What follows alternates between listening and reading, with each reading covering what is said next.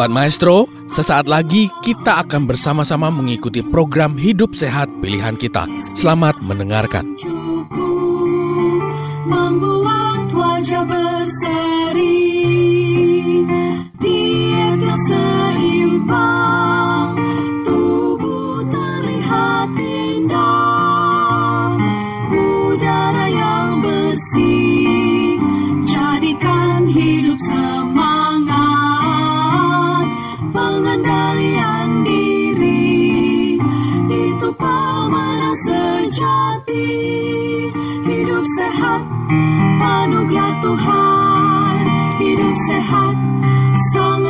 berharga sepuluh hukum kesehatan hidup sehat Shalom, salam sehat. Senang sekali bertemu kembali dengan saya pada acara KKR Allah Peduli. Dan pada kesempatan ini saya akan membawakan seminar kesehatan yang berjudul Jurus Sakti Penangkal Penyakit. Nah, kita pernah mendengar eh, sebuah laporan eh, yang ditulis di dalam majalah National Geographic yang ditulis oleh Dan Buettner. Dia membuat sebuah penelitian kecil-kecilan. Pertama kali dia tulis adalah pada November 2005. Dia bercerita tentang eh, the blue zones, ya. Kemudian dia masih menulis beberapa buku lagi sampai tahun 2015 lalu dia masih mengeluarkan buku yang baru lagi dan eh, ada sesuatu tentang the blue zones. Siapa mereka? Mereka adalah orang-orang yang memiliki usia terpanjang di dunia. Mereka adalah orang-orang yang ada di Sardinia, Italia, di Okinawa, Jepang, ada di Ikaria di Greece, di Yunani, kemudian di Loma Linda di California, dan eh, Nicoya di Costa Rica. Ada sesuatu yang membuat mereka memiliki umur yang panjang. Apa itu? Nah, inilah yang akan kita pelajari. Apa rahasia umur panjang dari orang-orang tersebut di lima lokasi ini? Dengan Venn diagram ini, kita bisa melihat apa persamaan di antara kelima kelompok eh, tersebut. Kita hanya akan melihat tiga kelompok, yaitu di Okinawa, Jepang, di Loma Linda, di California, di Amerika Serikat, dan di Sardinia, Italia. Eh, di Loma Linda kita tahu mereka menjalankan pola hidup yang sehat, mereka punya social circle yang baik, makanan mereka adalah whole grains ya, makanan utuh dari tumbuh-tumbuhan dan mereka eh, tidak banyak bergaul dengan orang-orang yang lain, mereka lebih eh, socially isolated, culturally isolated ya. Lalu eh, mereka banyak makan nuts, makan biji-bijian ya, kacang-kacangan. Nah, yang ada di Sardinia, Italia juga mempunyai kesukaan memakan kacang-kacangan. Mereka makan jenisnya fava beans ya. Ini adalah jenis em, legumes atau kacang polong-polongan yang berwarna putih ya. Dan mereka banyak makan eh, jenis dari anggur ya, dari buah anggur. Tapi ada satu persamaan di Okinawa, di Loma Linda maupun di Sardinia, mereka semua memiliki hubungan erat dengan keluarga. Mereka memiliki extended family. Ada kakek, nenek, anak-anak, cucu, bahkan cicit kadang-kadang tinggal berdekatan. Mereka berkontak setiap hari.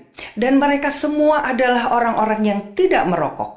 Luar biasa ya. Jadi ada persamaannya. Kemudian mereka semua plant healthy diet. Mereka makan lebih banyak makanan nabati. Kemudian mereka juga selalu memiliki activity, physical activity. Mereka memiliki selalu gerak badan. Dan mereka memiliki hubungan sosial yang baik. Dan makanan utama mereka adalah polong-polongan, legumes. Jadi lihat ada suatu persamaan di antara kelompok-kelompok tersebut. Jadi kita harus belajar sesuatu dari mereka. Makanannya makanan yang sehat, mereka tetap exercise, bergerak badan setiap hari, tidak ada yang merokok, dan mereka memiliki hubungan sosial dan kekeluargaan yang baik. Jadi, hari ini kita akan pelajari aktivitas fisik yang sedang dan konstan yang mereka lakukan. Apa kegunaan dari aktivitas fisik ini? Kita tahu bahwa orang-orang yang ada di Sardinia rumah mereka uh, karena mereka berada di tebing-tebing sehingga rumah mereka tinggi-tinggi bahkan kadang-kadang ada yang lima lantai, delapan lantai tetapi mereka tetap naik turun tangga. Walaupun usia sudah 80-an, 90-an bahkan yang mendekati 100 tahun, mereka tetap naik turun tangga. Mereka harus naik jalan kaki ke atas bukit, turun bukit. Setiap hari mereka melakukan hal tersebut. Nah, apa yang terjadi di tubuh kita pada saat kita berolahraga. Kalau ada aktivitas fisik yang sedang, yang moderate, ya, dikatakan dari berbagai penelitian ini akan menurunkan risiko penyakit kardiovaskular sebesar 35%. Penyakit jantung dan pembuluh darah akan berkurang sebesar 35%. Nah, waktu kita melakukan exercise, sebetulnya exercise itu tidak harus yang structured, yang berupa yang kita sering kenal dengan berolahraga, olahraga permainan dan sebagainya. Tetapi aktivitas fisik yang cukup uh, bisa membuat kita uh, bernapas lebih kencang, menghasilkan panas di dalam tubuh kita. Jadi kalau kita sudah merasa panas, kita mulai berkeringat dan suhu tubuh kita meningkat, berasa gerah, itu adalah exercise. Itu sudah cukup dikatakan sebagai suatu aktivitas fisik ya. Nah, pada saat itu jantung kita akan berdetak lebih kencang, lebih cepat ya, karena dia harus memompa darah ke seluruh tubuh kita dan memompa dalam jumlah yang lebih banyak daripada kalau kita sedang tidak bereksersis, tidak melakukan gerak tubuh. Nah, darah yang dipompa oleh jantung kita akan sampai kepada otot-otot yang sedang dipakai. Otot-otot inilah yang akan menjadi semakin mendapatkan uh, oksigen, mendapatkan kekuatan sehingga otot ini dapat bekerja dengan lebih baik. Jangan lupa bahwa jantung kita itu juga otot. Dan otot jantung kalau sering digunakan, dia memompa dengan kuat, dia juga akan menjadi otot yang semakin besar dan semakin kuat. Nah, karena otot harus bekerja lebih keras, maka butuh oksigen. Jadi tidak cukup hanya darah saja yang dipompa, tetapi juga dibutuhkan adanya oksigen. Oleh sebab itu, pada saat kita bergerak badan, rasanya panas, maka kita akan bernapas dengan lebih cepat dan mendapatkan oksigen yang lebih banyak. Kita hirup oksigen lebih banyak karena oksigen itu yang akan dikirimkan kepada otot-otot kita. Dengan kita berusaha menarik oksigen, paru-paru kita mengembang dengan kuat dan bekerja dengan lebih keras. Paru-paru kita juga menjadi lebih kuat. Oksigen yang dialirkan ke otot kita bila kita lakukan olahraga secara teratur, maka pembuluh darah yang ada di dalam otot, pembuluh darah halus yang ada di dalam otot kita akan semakin banyak dan bekerja dengan maksimal. Jadi supaya bisa mengalirkan zat makanan dan oksigen ke dalam otot kita, maka pembuluh darah, pembuluh darah arteri yang kecil-kecil itu harus berkembang dengan baik.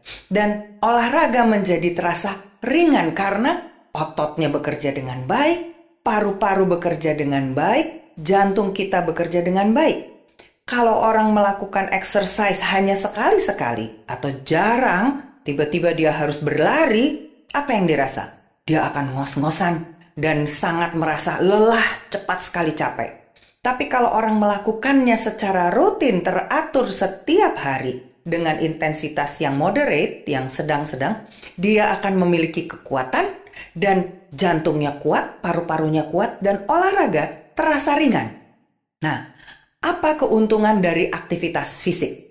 Aktivitas fisik ini yang kita kenal dalam bentuk olahraga ya atau exercise ya, ini akan meningkatkan memori dan kemampuan otak kita. Nanti kita masih akan ketemu di beberapa penelitian. Dan hipokampus adalah salah satu bagian di dalam otak kita yang uh, berperan untuk memori dan belajar akan menjadi lebih besar dan lebih develop ya, di, dia lebih Uh, lebih maksimal bekerjanya hipokampusnya. Dan kalau pada orang yang punya diabetes, uptake dari gula darahnya, jadi gula darah itu kan harusnya masuk ke dalam sel.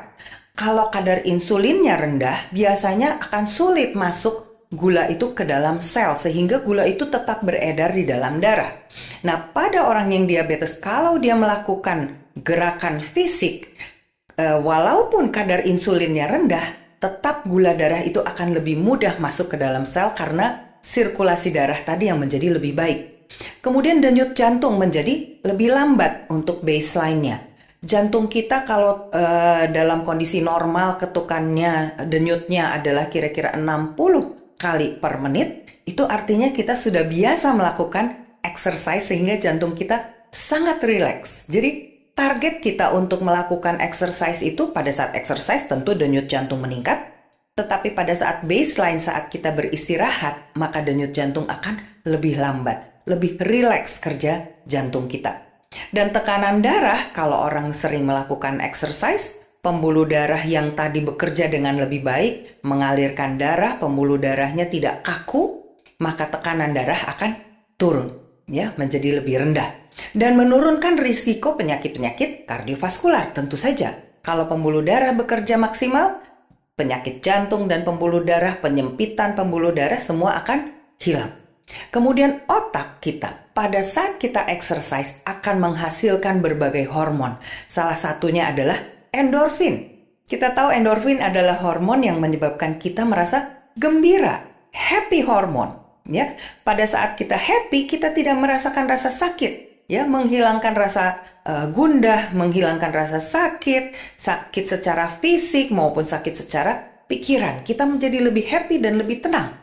Hormon stres pun akan turun kalau kita melakukan kegiatan aktivitas fisik. Dan kalau kita rutin melakukannya, tentu saja berat badan akan lebih terkontrol. Berat badan bisa turun. Jadi kita lihat bahwa keuntungan dari aktivitas fisik itu banyak sekali.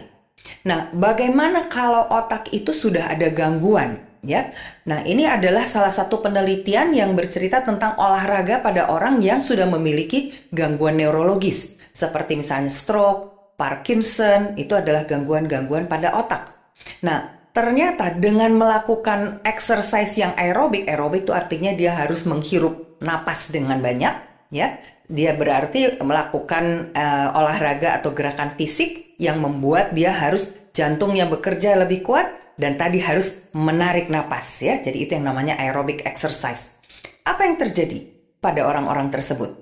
Mereka dapat berjalan dengan lebih baik. Karena kita tahu orang Alzheimer biasanya jalannya gerakannya kaku sekali kalau mereka berjalan. Dengan melakukan olahraga, mereka dapat berjalan dengan pola langkah yang lebih baik. Kemampuan motorik artinya otot-otot bekerja dengan lebih baik kemampuan fungsional juga menjadi lebih baik. Kemampuan fungsional misalnya dia tadinya susah untuk mengancingkan pakaiannya orang uh, yang menderita Parkinson.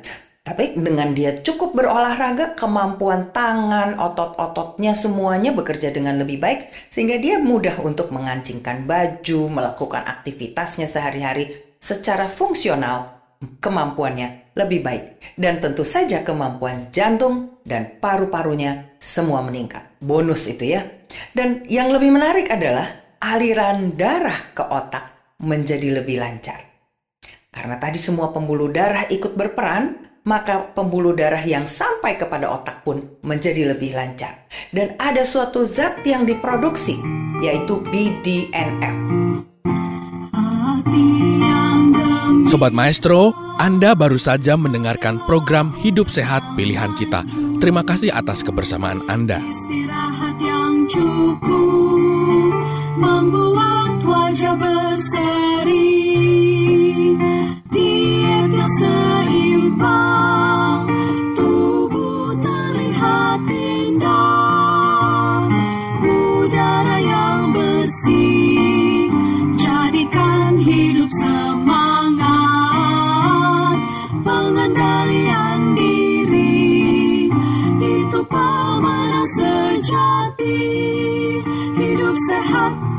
Anugerah Tuhan. Hidup sehat, sangat berharga. Sepuluh hukum kesehatan, hidup sehat